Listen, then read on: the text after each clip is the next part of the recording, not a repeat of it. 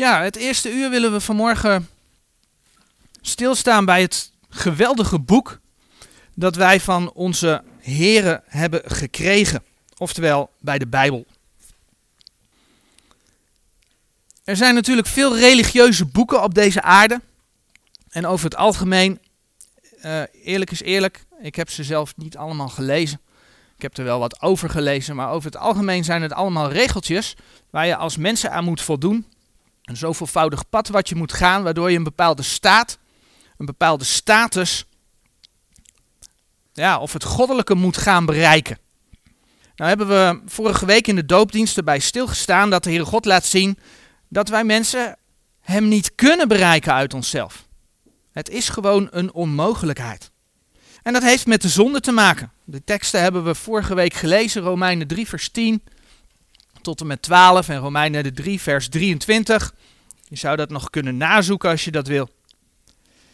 Maar daarom is de Heere God naar ons toegekomen. Hij heeft zichzelf geopenbaard. Hij heeft zichzelf bekendgemaakt. Hij heeft in zijn zoon de oplossing voor de zonde gegeven. De Heer Jezus is voor onze zonde gestorven, hij is opgestaan. En hij gebruikt zijn woord en die teksten willen we samen gaan lezen om dat aan ons bekend te maken. En dan lezen we 1 Johannes 5.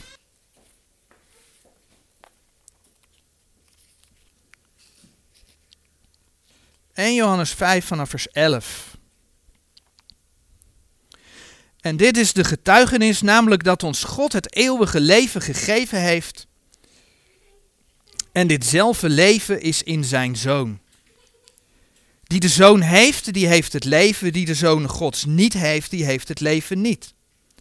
Deze dingen heb ik u geschreven die gelooft in de naam van de Zoon Gods, opdat gij weet dat gij het eeuwige leven hebt. En opdat gij gelooft in de naam des Zoons van God. we lazen in vers 13, deze dingen heb ik u geschreven. Daarom hebben wij Gods woord gekregen. Dus ja, in de Bijbel vind je ook leefregels, maar de Bijbel is natuurlijk veel meer dan dat. En zojuist is het al even genoemd, in de Bijbel openbaart de Heere God zichzelf aan mensen. Niet alleen aan Joden, niet alleen aan christenen, maar aan alle mensen. En we lezen heel vaak in de Bijbel, hoort des Heere woord. Hoor het woord van de Heere. Nou, een voorbeeldtekst zoeken we op in Jeremia 31. Jeremia 31, vers 10. En daar staat dan geschreven: Hoort des Heren woord, gij heidenen, en verkondigt in de eilanden die verre zijn, en zegt, hij die Israël verstrooid heeft, zal hem weder vergaderen, en hem bewaren als een herder zijn kudde. Hoort des Heren woord. Hoort des Heren woord, gij heidenen. We weten dat Israël, dat de Heere verworpen heeft, daardoor onder de volken verstrooid is, uiteindelijk tot bekering zal komen. Maar hier lezen we dus dat de Heer de heidenen de opdracht geeft om dat te verkondigen. Dus in de Bijbel zien we dat zowel Israël aangesproken wordt, de gemeente aangesproken wordt, maar ook de heidenen worden aangesproken. En laten we wel zijn als we terugbladeren naar Genesis, Genesis 12, waar de Heere Abraham roept.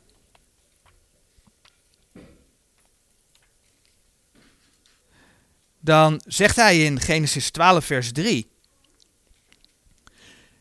En ik zal zegenen die u zegenen en vervloeken die u vloekt. En in u zullen alle geslachten des aardrijks gezegend worden. Alle geslachten zullen in Abraham gezegend worden. De Heere God sluit niemand uit.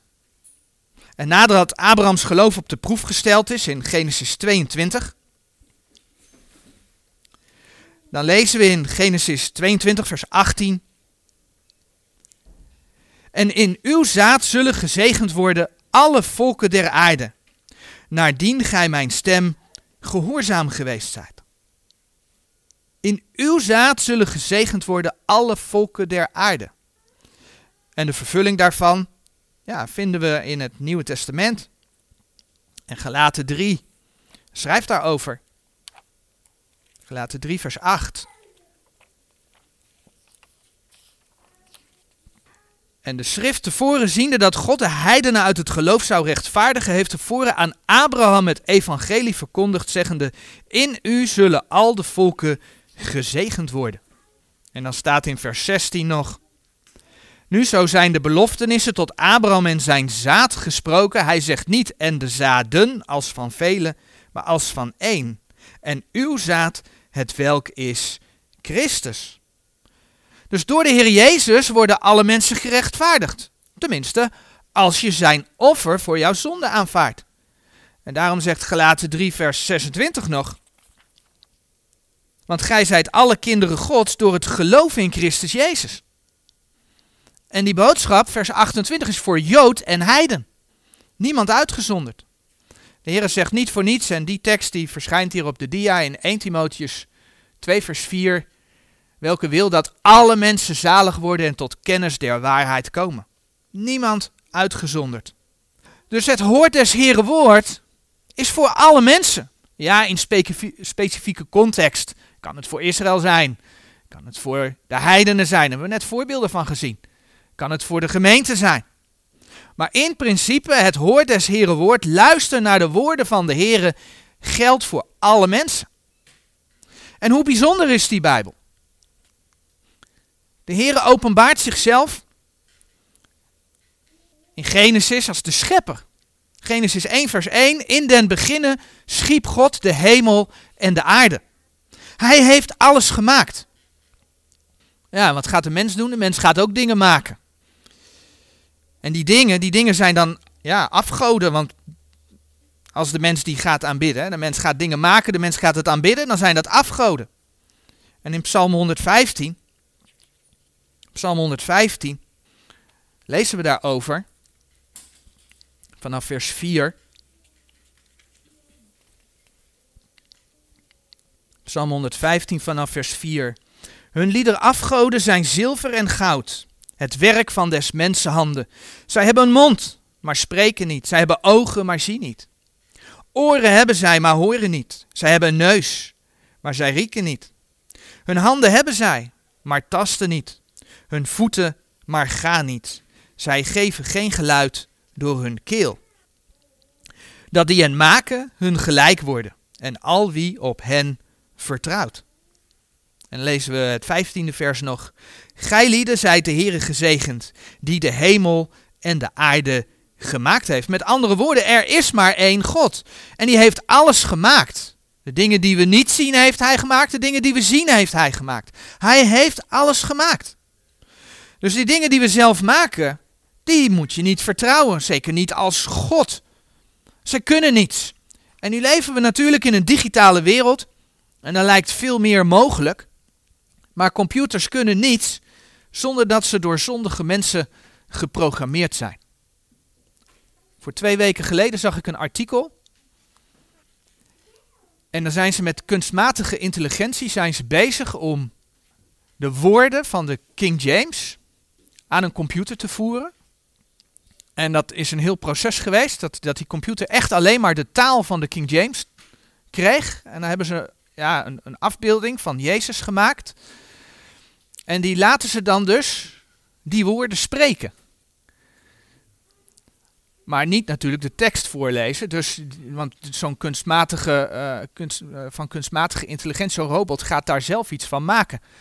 Nou, als je die teksten las die eruit komen, dat was echt de Bijbeltekst niet meer. Natuurlijk wel de woorden die uit de Bijbeltekst komen, maar daar zie je dus, daar zit iets achter, daar is iets, een, een, er zitten algoritmes achter die daar iets anders van maken. Nou, aan de andere kant hoor je wel eens berichten dat mensen via kunstmatige intelligentie ook hun God willen maken. Dus je kan je voorstellen wat voor een ontwikkeling dat dat geeft. Maar wat mensen maken, dat zijn afgoden. Of je daar nou het portret van de Heer Jezus op plakt of niet. Dat zijn afgoden. Maar de Bijbel is het boek van de schepper. De schepper die zichzelf openbaart als heilig. En als we dan terugbladeren naar Leviticus 19, dan lezen we dat God is heilig. Leviticus 19, de eerste twee versen.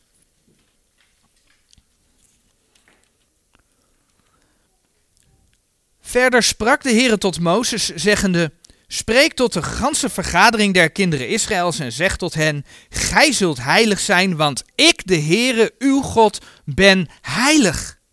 Maar wat houdt het dan in dat hij heilig is? Heilig zijn heeft te maken met apart gezet zijn. Als we in het volgende hoofdstuk van Leviticus kijken, Leviticus 20, vers 26, dan lezen we daar. En gij zult mij heilig zijn, want ik de Heere ben heilig. En ik heb u van de volken afgezonderd, opdat gij mijne zoudt zijn. Dus het volk Israël was van de volken afgezonderd, omdat het van de Heere was. En daarom moest het heilig zijn. En we weten, als we het Oude Testament doorlezen, wat God van Israël vroeg. Ze mochten zich niet vermengen met de, met de andere heidevolken. Ze moesten niet gelijk de heidevolken doen. Zich niet vermengen met de afgodische praktijken. Een voorbeeld waar je dat kunt vinden is Exodus 34, vers 12 tot en met 17. En zo zien we dat ook de gemeente de opdracht heeft om niet wereldgelijkvormig te zijn. In 1 Thessalonicense 4, vers 7. 1 Thessalonicense 4, vers 7. Dan lezen we een opdracht aan de gemeente. Want God heeft ons niet geroepen tot onreinheid, maar tot heiligmaking. En als we dan terugbladeren naar 2 Korinthe 7 vers 1, dan lezen we daar. Terwijl wij dan deze belofte hebben, geliefde, laat ons onszelf reinigen van alle besmetting des vleeses en des geestes, voleindigende de heiligmaking in de vreze Gods. God is heilig hij staat afgezonderd van alles en iedereen. Hij is perfect. Je ziet dat bij mensen de zonde staat tegenover Gods heiligheid. En God vraagt van ons om ook heilig te zijn. Wij falen iedere keer, mogen vergeving vragen. Maar het is wel een opdracht. Maar God is perfect. Hij is heilig. En daarover lezen we dan in Deuteronomium 32, vanaf vers 3. Want ik zal de naam des Heren uitroepen, geeft onze God grootheid. Hij is de rotsteen, wiens werk volkomen is. Want al zijn wegen zijn gericht. God is waarheid en is geen onrecht. Rechtvaardig en recht is hij. Hij heeft het tegen hem verdorven. Het zijn zijn kinderen niet. De schandvlek is hunne. Het is een verkeerd en verdraaid geslacht. Dat is wat God over mensen zegt. En hij zelf is waarheid, geen onrecht. Rechtvaardig en recht is hij. Het is die heilige schepper die zichzelf openbaart als alwetend. Als we in 1 Johannes 3 vers 20 kijken, dan zien we dat die heilige schepper zegt dat hij alles weet. 1 Johannes 3, vers 20. Want indien ons hart ons veroordeelt, God is meerder dan ons hart en hij kent alle dingen. Of spreuken we hebben 15 vers 3. Hij kent alle dingen, lazen we net, en dan lezen we in Spreuken 15 vers 3. De ogen des Heren zijn in alle plaats, beschouwende de kwade en de goede. De ogen des Heren zijn in alle plaats. De Heere ziet alles. Hij weet alles. En het is dan ook niet verwonderlijk dat we in zijn woord de geschiedenis gewoon helemaal vinden. Van begin van de schepping tot aan de nieuwe hemel en de nieuwe aarde. En de Heere zegt dat ook gewoon, bijvoorbeeld door de profeet Jezaja. In Jezaja 42 de versen 8 en 9. Ik ben de Heere, dat is mijn naam, en mijn eer zal ik aan geen ander geven, noch mijn lof de gesneden beelden. Zie, de voorgaande dingen zijn gekomen en nieuwe dingen verkondig ik. Eer dat zij uitspruiten, doe ik uw lieden die horen. En dit boek is daar het bewijs van. God maakt de dingen bekend. We kunnen zien door de loop van de geschiedenis dat zijn woord de waarheid is. Hij weet alles. De Heere God overziet alles. En het is die heilige, alwetende schepper die zichzelf openbaart als almachtig. Zoeken we openbaring 19 vers 6 op.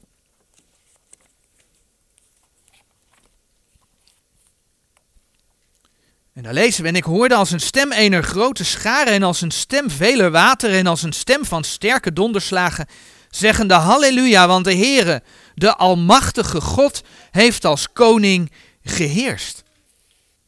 Er staat heeft als koning geheerst, het is natuurlijk nog toekomst. Komt omdat Johannes door de Heere naar de dag des Heren, de grote verdrukking en wat daarna komt, is ja, opgenomen. Openbaring 1, vers 10. En hij heeft al die dingen zien gebeuren, mocht hij opschrijven. Maar we lezen daar over de Almachtige God. Hij had en heeft de macht, en dan bladeren we ondertussen naar Psalm 33, om alles te scheppen, om alles te maken. God sprak, dat lezen we ook in Genesis 1, God sprak en het was er. Psalm 33. Dus als God spreekt, dan is het er. En dan lezen we in Psalm 33, vers 6 en 9. Door het woord des Heren zijn de hemelen gemaakt en door de geest zijns monds al hun Heer. En dan vers 9. Want hij spreekt en het is er, hij gebiedt en het staat er.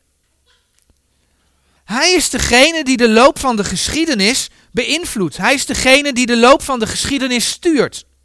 Zelfs heidense machten zijn een instrument in zijn hand. En wanneer koning Nebukadnezar, en dat, dat staat in Daniel 2, droomt van een beeld uit verschillende delen, een beeld dat uit verschillende delen bestaat, dan mag Daniel hem die droom uitleggen. En wat zegt hij dan in Daniel 2, vers 28? Maar er is een God in de hemel die verborgenheden openbaart.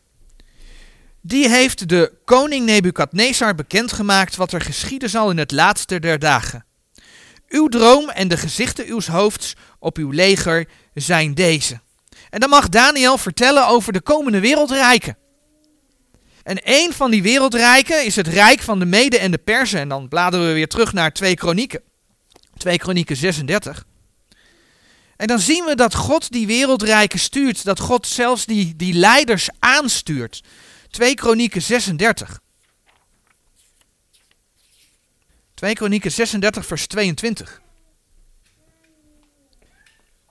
Maar in het eerste jaar van Kores, koning van Perzië, opdat volbracht werd het woord des Heren door de mond van Jeremia, verwekte de Heere de geest van Kores, koning van Perzië, dat hij een stem liet doorgaan door zijn ganse koninkrijk, zelfs ook in geschriften zeggende, zo zegt Kores, koning van Perzië, de Heere, de God des hemels, heeft mij alle koninkrijken der aarde gegeven. En hij heeft mij bevolen hem een huis te bouwen te Jeruzalem, het welk in Juda is. Wie is onder uw lieden van al zijn volk? De Heere zijn God zij met hem en hij trekke op. Het is God die heidense wereldleiders stuurt zodat zijn woord in vervulling gaat. In dit geval hebben we net gelezen zodat Jeremia's profetie in vervulling gaat. Maar ook omdat Israël terug moest zijn in het land, wilde zijn woord in vervulling kunnen gaan en de Messias in Bethlehem geboren kunnen worden. God heeft alles in zijn handen, de hele wereldgeschiedenis. In het tweede uur zullen we hier, zo de Heer wil, nog op terugkomen. Het is die heilige, alwetende en almachtige schepper die ons zijn woord, de Bijbel, heeft gegeven. Kun je je voorstellen wat voor een bijzonder boek dat is? God de schepper, heilig, alwetend, almachtig, heeft ons zijn woorden gegeven. Daar mag je in lezen. Daar mag je in studeren. Dat mag je doorgeven. Doe je dat ook?